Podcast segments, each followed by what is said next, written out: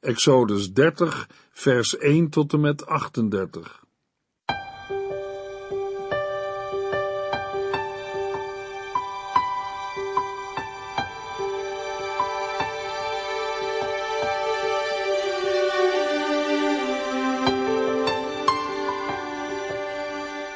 Hartelijk welkom bij De Bijbel Door, een programma van Transworld Radio.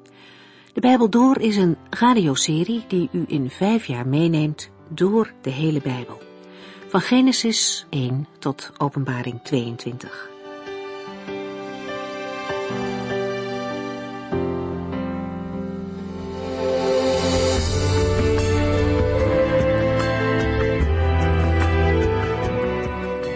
We gaan vandaag verder met Exodus 30. De vorige keer ging het over de wijding van de priesters. De uitvoering van deze voorschriften komt pas in Leviticus aan de orde. In Exodus staat wat de bedoeling is. Verschillende offers worden hier voor het eerst genoemd en ingesteld. Het brandofferaltaar, dat binnen het kader van de priesterdienst een belangrijke plaats inneemt, wordt ook gewijd. Tot slot staan in Exodus 29 instructies voor het dagelijks morgen- en avondoffer. In de ceremonie van de priesterwijding worden drie stadia onderscheiden.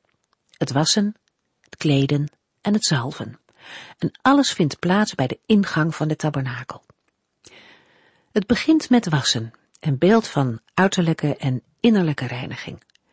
Het wijst ook naar de wedergeboorte en vernieuwing door de Heilige Geest. Daarna kregen Aaron en zijn zonen de priesterkleding aan en werd Aaron gezalfd.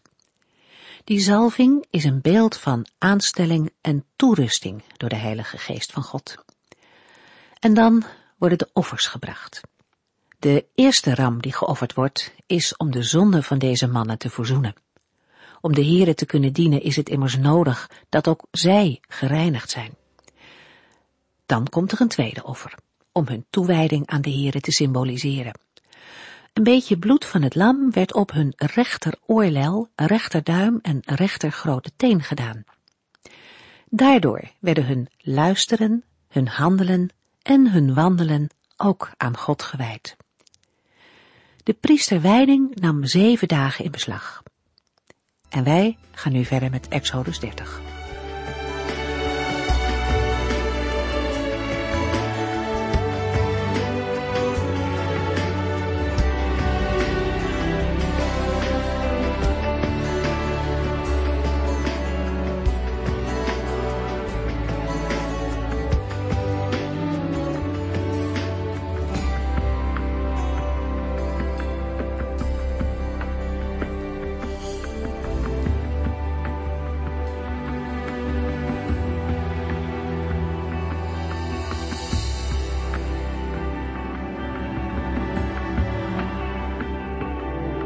In Exodus 30 komen het gouden reukofferaltaar en het koperen wasvat ter sprake.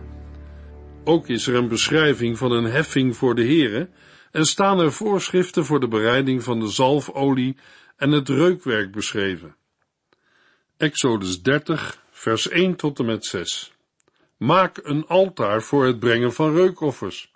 Gebruik acaciahout en maak het 45 centimeter in het vierkant en 90 centimeter hoog.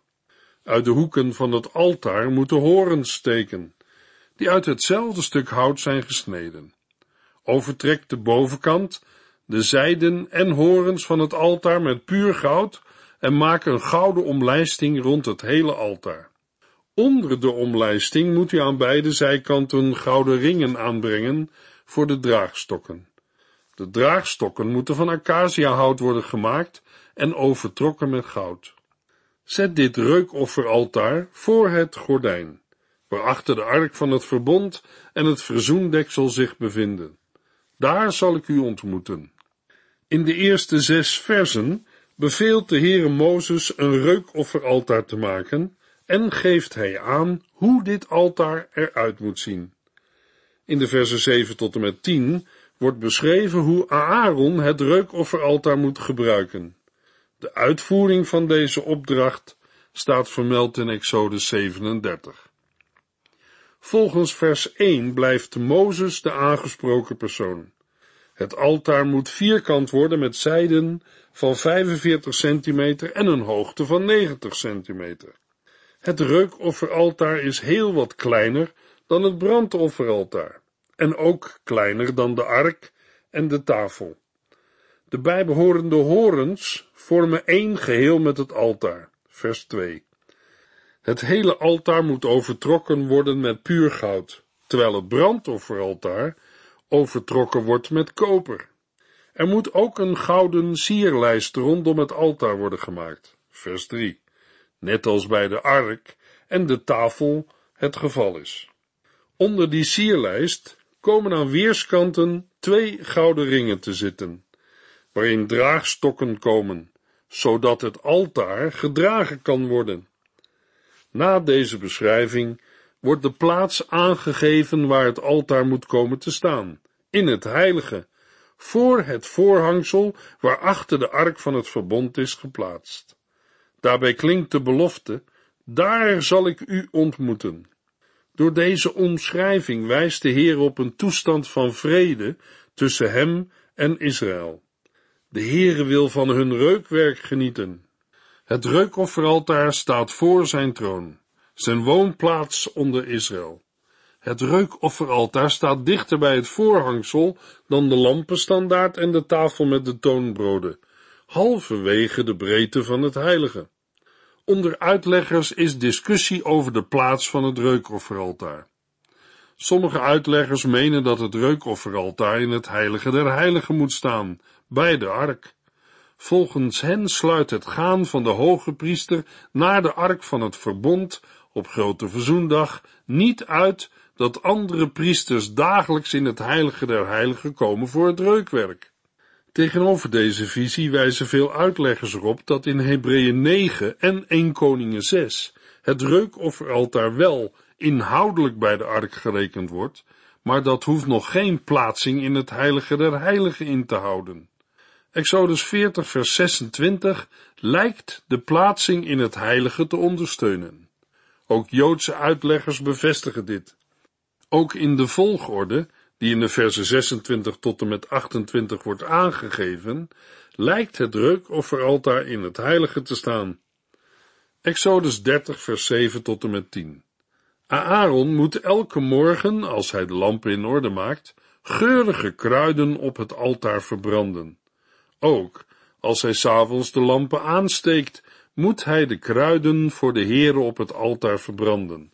Van generatie op generatie moet die doorgaan. Of er alleen de voorgeschreven kruiden, brandoffers, spijsoffers of drankoffers op dit altaar. Eenmaal per jaar moet Aaron met het bloed van het zondoffer der verzoening het altaar verzoenen, door het bloed op de horens aan te brengen. Dit moet elk jaar van geslacht op geslacht gebeuren, want dit is een allerheiligst altaar voor de Heere. Na de beschrijving van de bouw komen in de versen 7 tot en met 10 voorschriften voor het gebruik aan de orde. De priesters worden hier niet genoemd. Voorschriften zijn voor Aaron en zijn zonen. Zowel s morgens als s avonds moet Aaron reukwerk branden, tegelijk met het verzorgen van de lampen van de gouden kandelaar. Het altaar kan ook worden ontwijd door vreemd reukwerk of door andere offers. Dat moet worden voorkomen. Aaron moet eens per jaar en wel op grote verzoendag het altaar verzoenen door bloed op de hoornen van het reukofferaltaar te strijken. Het reukwerk wordt vaak in verband gebracht met gebeden. Mogelijk dat het brengen van reukwerk u meer aanspreekt dan de bloedige offers van dieren. Het reukofferaltaar was geen altaar waar dieren werden geofferd. Maar laten we vooral niet vergeten wat we lezen in Hebreeën 9 vers 22. Als er geen bloed vloeit, worden de zonden niet vergeven. Juist door verzoening zijn in de eredienst het reukwerk en de gebeden aangenaam bij de Heere God. Ik gaf al eerder aan dat het reukofferaltaar spreekt van gebed. Dat weten we omdat de Bijbel op veel plaatsen reukwerk als symbool voor gebed en lofprijzing gebruikt. Bijvoorbeeld, David zegt in Psalm 141 vers 2, Laat mijn gebed u als een reukoffer bereiken.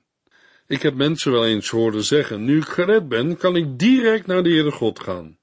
Maar alleen door Christus en gereinigd door zijn bloed kan een mens vrijmoedig bij de Heere komen. Christus is de voorspraak bij de Vader. Hij is in de hemel waar hij ook voor ons bidt. Voor een Israëliet was het fantastisch om te weten dat zijn hoge priester in de tabernakel was, bij het reukofferaltaar, waar hij voor hem bad. Hetzelfde mag een gelovige vandaag van Christus weten. De Heer Jezus zegt in zijn hoge priesterlijke gebed, ik bid voor hen, niet voor de wereld, maar voor hen die u mij hebt toevertrouwd. Ze zijn van u. Johannes 17 vers 9. Luisteraar, hoe kostbaar is het om in de hemel een grote hoge priester te hebben die voor u bidt? In Efeziërs 1 vers 5 en 6 lezen we, het is altijd zijn bedoeling geweest ons als zijn kinderen aan te nemen door Jezus Christus, opdat wij hem zouden prijzen voor zijn onovertroffen genade. En hij heeft ons door zijn geliefde zoon laten ervaren hoe buitengewoon goed hij is. Vanwege Jezus Christus neemt God de Vader ons aan. In de Evangelie zei God de Vader, dit is mijn geliefde zoon, hij verheugt mijn hart, luister naar hem. We moeten niet alleen naar hem luisteren, maar we mogen ook door hem bidden. Jezus Christus zei, als jullie mij iets vragen in mijn naam, zal ik het doen. Johannes 14 vers 14. Het reukofferaltaar staat afgezonderd in het heilige. Alleen een dienstdoende priester mocht bij het reukofferaltaar aanbidden. In 2 Kronieken 26 vinden we een geschiedenis die laat zien wat er gebeurt als een mens zich niet aan Gods aanwijzingen houdt. In 2 Kronieken 26 gaat het om koning Uzia, koning van Juda. Van hem lezen we in 2 Kronieken 26 vers 16 tot en met 21. Maar toen hij zo'n grote macht had opgebouwd, werd hij hoogmoedig, en dat veroorzaakte zijn ondergang. Hij zondigde tegen de Heere zijn God door het voor hem verboden heiligdom van de tempel binnen te gaan en daar zelf reukwerk op het altaar te verbranden. Zelfs na vermaning van de hoge priester Azarja was Uzia niet van plan om weg te gaan. Vers 19 van 2 Kronieken 26 Hij werd razend, maar toen verscheen plotseling melaatsheid op zijn voorhoofd. Hij bleef tot zijn dood melaats. Het enige gebed dat een zondaar vandaag kan bidden is, Heere, wees mijn zondaar genadig. In Exodus 30 vers 8 lazen we, ook als hij s'avonds de lampen aansteekt, moet hij de kruiden voor de Heer op het altaar verbranden. Van generatie op generatie moet dit doorgaan. Er moet voortdurend een reukoffer voor de Heere oprijzen. Hij is te prijzen tot in alle eeuwigheid. De wierook moest morgens en s avonds, ja altijd op het altaar omhoog stijgen. Wanneer de hoge priester het heilige binnenging en het reukwerk op het altaar offerde, bracht hij een tijd in de tabernakel door. Dat reukwerk bleef op zijn kleding hangen en wanneer hij naar buiten kwam, konden de mensen het ruiken. Als de hoge priester langsliep, verspreidde hij de juiste geur. In 2 Korintiërs 2 vers 15 wordt gezegd, wij zijn voor God een aangename geur. Het is de geur van Christus voor mensen die gered worden en voor mensen die niet gered worden. Een vraag aan gelovigen. Bent u een aangename geur voor God? Een geur van Christus? Laten onze gebeden opstijgen voor de Heere als een aangename geur. Laten we de Heere de eer geven die hem toekomt. Hij heeft u en mij vandaag weer een nieuwe dag van leven gegeven. We mogen er zijn, ook voor anderen. Laten we vandaag als een barmhartige Samaritaan om ons heen kijken. Misschien kunnen we nog iets voor een ander betekenen. Want al wat gedaan wordt uit liefde tot Jezus, dat houdt zijn waarde en blijft eeuwig bestaan. Exodus 30, vers 11 tot en met 14. En de Heere zei tegen Mozes, elke keer als u een volkstelling onder de Israëlieten houdt, moet iedere getelde een verzoeningssom voor zijn ziel aan de Heere betalen, zodat er geen plaag onder het volk komt als u het telt. Iedere getelde moet 5,5 gram zilver betalen. Iedereen van 20 jaar en ouder moet dit offer aan de Heere geven. Het voorschrift om een heffing aan het volk op te leggen staat tussen de opdrachten voor het maken van het reukofferaltaar en het koperen wasvat in. Dit kan te maken hebben met het gebruik van het woord verzoening. Daarnaast is het zo dat de opgehaalde sikkels, of 5,5 gram zilver, gebruikt worden voor de constructie van het heiligdom. Het lijkt erop dat hier een eenmalige bijdrage voor de bouw bedoeld wordt, en niet een jaarlijkse bijdrage, zoals de latere tempelbelasting. Koning Joas van Juda beroept zich in 2 Kronieken 24 op het voorschrift uit Exodus 30. Hij vraagt het volk een eenmalige bijdrage voor de restauratie van de tempel. Deze heffing of verzoeningssom staat los van de vrijwillige gaven in Exodus 25. Vers 11 geeft aan dat de Heer God nog steeds op de berg tot Mozes spreekt. Bij een volkstelling moet ieder een verzoeningssom betalen om te voorkomen dat er een plaag uitbreekt. Uit deze en andere versen in de Bijbel blijkt dat een volkstelling niet zomaar een bepaalde handeling is. Voor ons is dat moeilijk voor te stellen, maar in de Bijbel niet. Uit de Bijbelse gegevens blijkt dat een volkstelling een gebeuren is waarbij de verhouding tussen God en mens in het geding is. Door het volk te tellen wordt inbreuk gedaan op iets dat alleen bij God hoort. Kennis van tijd, plaats en getal. Nu gaat het over kennis van getal. Het is niet goed dat een mens alle dingen weet. Dat brengt tot hoogmoed of afval van God. In een volkstelling kan hoogmoed naar voren komen, want de verworven kennis houdt ook macht in.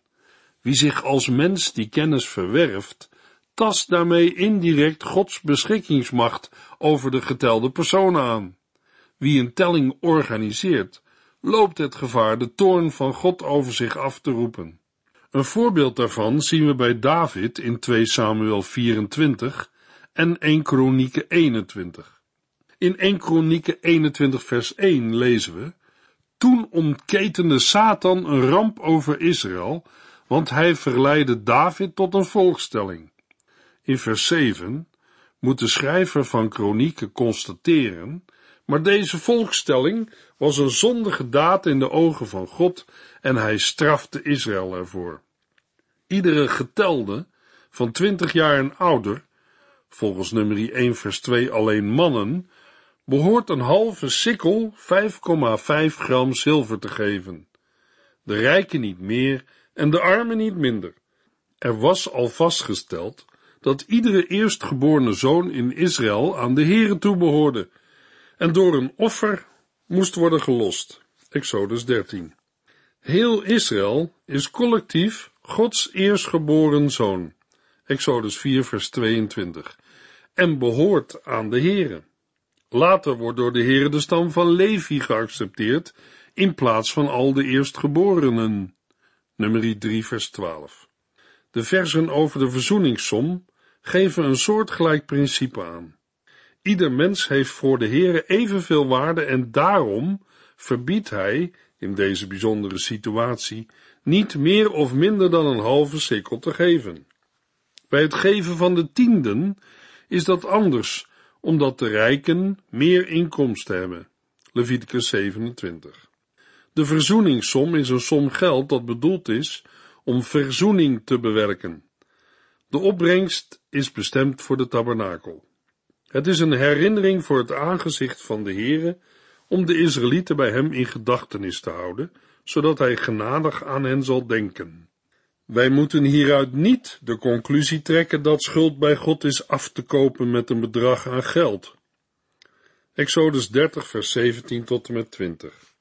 De Heere zei tegen Mozes, maak een koperen wasvat met een voetstuk van koper Zet het tussen de tabernakel en het altaar en vul het met water. Aaron en zijn zonen moeten daarin hun handen en voeten wassen, wanneer zij de tabernakel ingaan om de Heere onder ogen te komen, of wanneer ze het altaar naderen om brandoffers voor de Heere te brengen. Zij moeten zich altijd wassen voordat zij dat doen, anders zullen ze sterven. Reinheid is een absolute voorwaarde in de omgang tussen de Heere en de mens. Daarom is het begrijpelijk dat er een wasvat met water in het heiligdom geplaatst wordt. Onreinheid en stof aan handen of voeten herinnert aan de onreinheid door de zonde. Daarom is een wassing ook een reiniging om tot de Heere te naderen. De Heere voorziet zelf in een middel om gereinigd tot hem te naderen, het koperen wasvat. Het koperen wasvat is wel aan Mozes getoond, Exodus 25, maar wordt niet beschreven. De uitvoering van de opdracht om een koperen wasvat te maken staat vermeld in Exodus 38. Daar wordt ook verteld dat het koper afkomstig is van spiegels.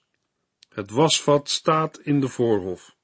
Het moet gebruikt worden voor de reiniging van de priesters, maar ook bij de offers die op het brandofferaltaar gebracht worden. Daarmee staat het wasvat tussen de plaatsen waarvoor het wordt gebruikt. Het nalaten van de reiniging met water zal de dood ten gevolge hebben. De inzetting is blijvend voor de nakomelingen van Aaron, vers 21.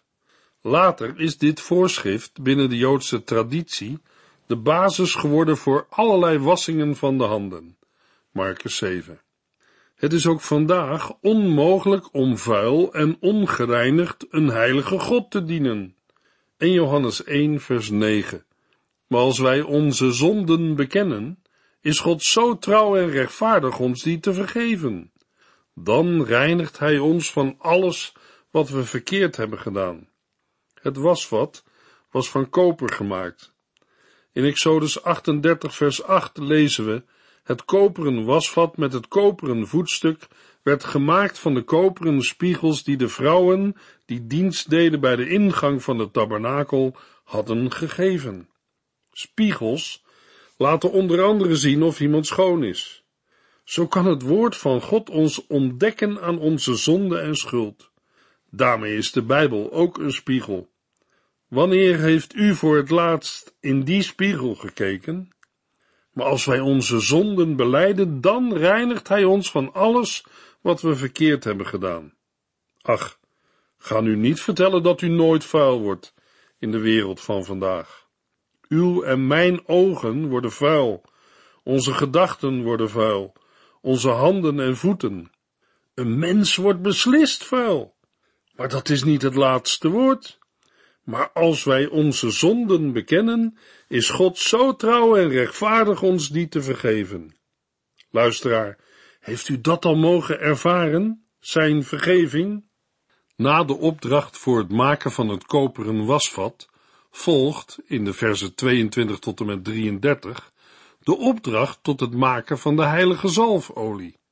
De samenstelling van de heilige zalfolie wordt door de Heere nauwkeurig aan Mozes voorgeschreven, evenals het gebruik. In vers 32 en 33 geeft de Heere er nog een waarschuwing bij.